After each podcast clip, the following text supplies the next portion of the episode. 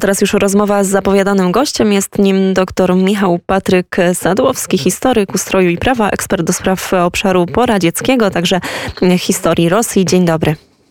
E, dzień dobry pani redaktor, dzień dobry państwu. Zaczynamy od, od tego, jakie echa niesie ze sobą wideokonferencja, głośna rozmowa Władimira Putina z Joe Bidenem. Można powiedzieć, że z tych informacji, które docierają zarówno ze świata z, z, ze strony Rosji, jak i ze strony Ameryki, no to żadnego wielkiego przełomu nie, nie spodziewaliśmy się i chyba tak też, tak też faktycznie się stało. Y, jak najbardziej. No przede wszystkim, y, i tutaj odniosę się do perspektywy rosyjskiej, Rosjanie podkreślili w swoim komunikacie, że e, rozmowy, które miały wczoraj miejsce, one są kontynuacją e, rozmów, e, które miały miejsce w Genewie, czyli Rosjanie podkreślają, że kontynuują strategiczny dialog z Stanami Zjednoczonymi jako, jako takim głównym mocarstwem, które może podejmować też decyzje co do świata zachodniego. To jest właśnie taka i podkreślona bardzo silna rola Stanów Zjednoczonych, czyli też wskazanie ze strony Rosji, że Rosja będzie bardziej chciała rozmawiać ze Stanami Zjednoczonymi jako takim głównym partnerem, a nie mniejszymi państwami e, europejskimi. No i przede wszystkim, no chyba tutaj główny temat był jasny tych rozmów, no przede wszystkim Ukraina. Rosjanie powiedzieli, powiedzieli Rosjanie zasygnalizowali dla Stanów Zjednoczonych wprost, że Ukraina znajduje się e, w rosyjskiej strefie wpływów, powinna znajdować się w rosyjskiej strefie wpływów i Rosjanie chcą prawnych gwarancji. To jest pewne nowum, które się pojawiło w ostatnich dniach i które też mm, jest podkreślane e, przez administrację prezydenta Federacji Rosyjskiej, że Rosja domaga się prawnych gwarancji tego, żeby na Ukrainie e, znaczy nie, stacjon, znaczy nie stacjonowały tak siły NATO i żeby w ogóle Ukraina nie była człon, członkiem NATO, czyli takie powiedzenie NATO stop. No to jest właśnie, to jest właśnie przełom, a z drugiej strony Rosjanie e, wysunęli postulat, żeby w bezpośrednich granicach Federacji Rosyjskiej, czyli też na terytorium państw NATO, tak by to mogło być państwa bałtyckie, Polska, nie, sta, nie stacjonowało uzbrojenie natowskie, które mogłoby być użyte przeciwko e, Federacji Rosyjskiej. Czyli to też jest takie wskazanie, że Rosja chce aktywnie wpływać na NATO i występuje może z propozycją określonego paktu. Natomiast no, przede wszystkim E, tutaj należy doszukiwać się też takich krótkoterminowych celów, tak? Przede wszystkim wskazania, że Kreml domaga się e, przede wszystkim realizacji porozumień mińskich, e, a to oznacza federalizację Ukrainy i tym samym możliwość wpływu, tak, na jej wewnętrzne sprawy. No i też jednocześnie Kreml próbuje pokazać, że jeżeli Zachód, a szczególnie Stany Zjednoczone, nie pójdą na ustępstwa wobec Rosji w tym zakresie, no to e, może dojść do eskalacji. No, najprawdopodobniej eskalacji e, no, gdzieś w, Donbasie, w, Ługańsku. I to jest pewien, można powiedzieć, taki straszak dyplomatyczny. I być może Rosja wczoraj wytargowała właśnie zgodę na uruchomienie Nord Stream 2 czy zniesienie jakichś określonych e, sankcji, ale tak jak też słusznie pani redaktor powiedziała, no o tym, co, o czym dokładnie rozmawiały dwie strony, no najprawdopodobniej, najprawdopodobniej w najbliższym czasie się jeszcze nie dowiemy. Oczywiście musimy, musimy e, e, poczekać i cały czas e, obserwujemy wszystko to, co dzieje się wokół, wokół tego geopolitycznego zagmatwania. Tutaj wspomniał Pan o Nord Stream 2. Myślę, że to jest ten temat, który szczególnie interesuje, interesuje Polskę, także naszych polityków.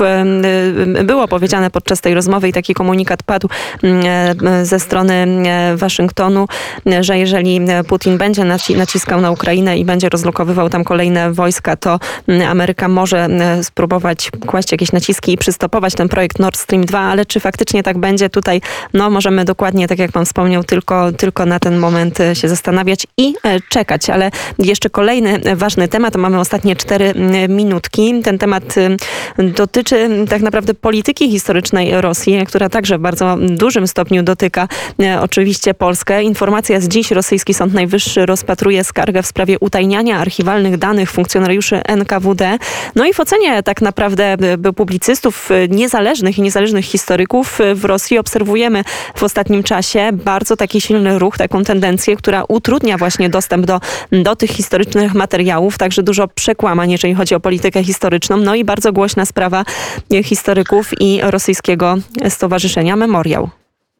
Y, znaczy tak, pani redaktor, tu chciałbym na początku wprowadzić pewne rozróżnienie, ponieważ no niestety tutaj e, obserwuję w polskich mediach bałagan. No przede wszystkim trzeba powiedzieć sobie, że e, czym jest memoriał? Memoriały są dwa. To są dwie organizacje. E, jedna, jedna nazywa się Międzynarodowy Memoriał. To jest takie stowarzyszenie, które jeszcze powstało pod koniec Związku Radzieckiego i to i generalnie ono zajmuje się nie tylko sprawami, można powiedzieć, pamięci historycznej, badanie zbrodni stalinowskiej, ale również takimi sprawami, można powiedzieć, z zakresu ochrony praw człowieka, sprawami teraźniejszymi, a obok tego jest powiązana z tym organizacja taka po rosyjsku prawo zaszczytna, czyli organizacja chroniąca e, system praw człowieka, system prawny, memoriał, która w sposób aktywny tak, występuje przed sądami, przed różnymi organami administracji.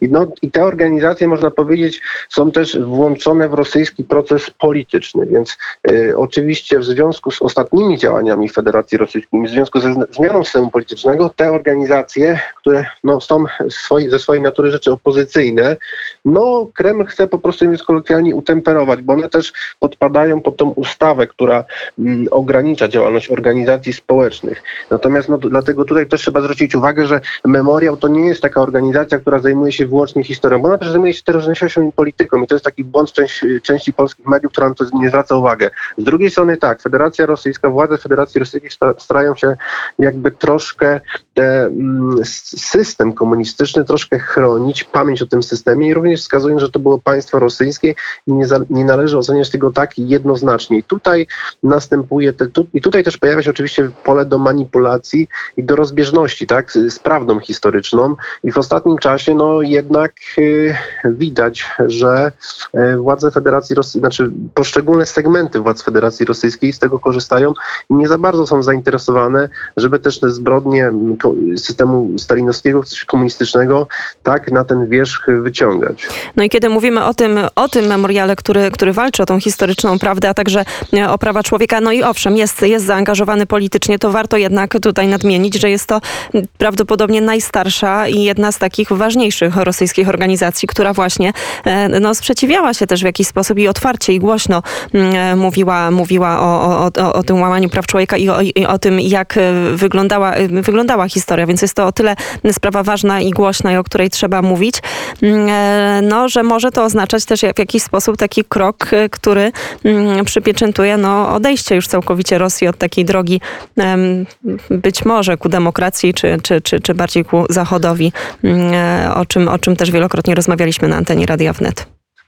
Znaczy, no, na, znaczy, jak, jak, jak, jak, jak, najbardziej, jak najbardziej się z panią redaktor zgodzę. To jest organizacja, która powstała jeszcze, tak jak powiedziałem, pod koniec Związku Radzieckiego w 1987 roku yy, z wybitnym Andrzejem Sacharowem na czele. Tak? Organizacja, która podjęła w ogóle temat zbro, zbrodni stalinowskich, dlatego ona jest kluczowa nie tylko dla Rosji, ale przede, przede wszystkim dla Europy Środkowo-Wschodniej i oczywiście kontakty i kontakty z memoriałem są dla nas bardzo ważne i konieczne też szczególnie dla naszych badaczy i na pewno ten segment działalności memoriału trzeba bardzo silnie wspierać i też powiedzieć władzom Federacji Rosyjskiej, że my nie będziemy akceptować żadnych prześladowań wobec historyków. Tak? To jest przede wszystkim pod, to jest podstawowe działanie też y, państwa polskiego, że państwo polskie nie powinno absolutnie tolerować i też wysyłać takie komunikaty do Federacji Rosyjskiej, że badania historyczne powinny być poza, znaczy w ogóle wyjęte spoza wszelkich procesów politycznych, które są. Tak? To tutaj, tutaj, tutaj powinien być konsensus i to powinno być e, silnie zamanifestowane. Tak? Tutaj jak najbardziej się zgodzę i na to przede wszystkim trzeba zwrócić uwagę. Bardzo serdecznie dziękujemy za ten komentarz. Gościem Kuriera w Samopołudnie był dr Michał Patryk Sadłowski, Uniwersytet Warszawski, ekspert do spraw obszaru poradzieckiego, ekspert, który zajmuje się także historią Rosji. Bardzo serdecznie dziękuję za komentarz. Bardzo dziękuję. Do widzenia.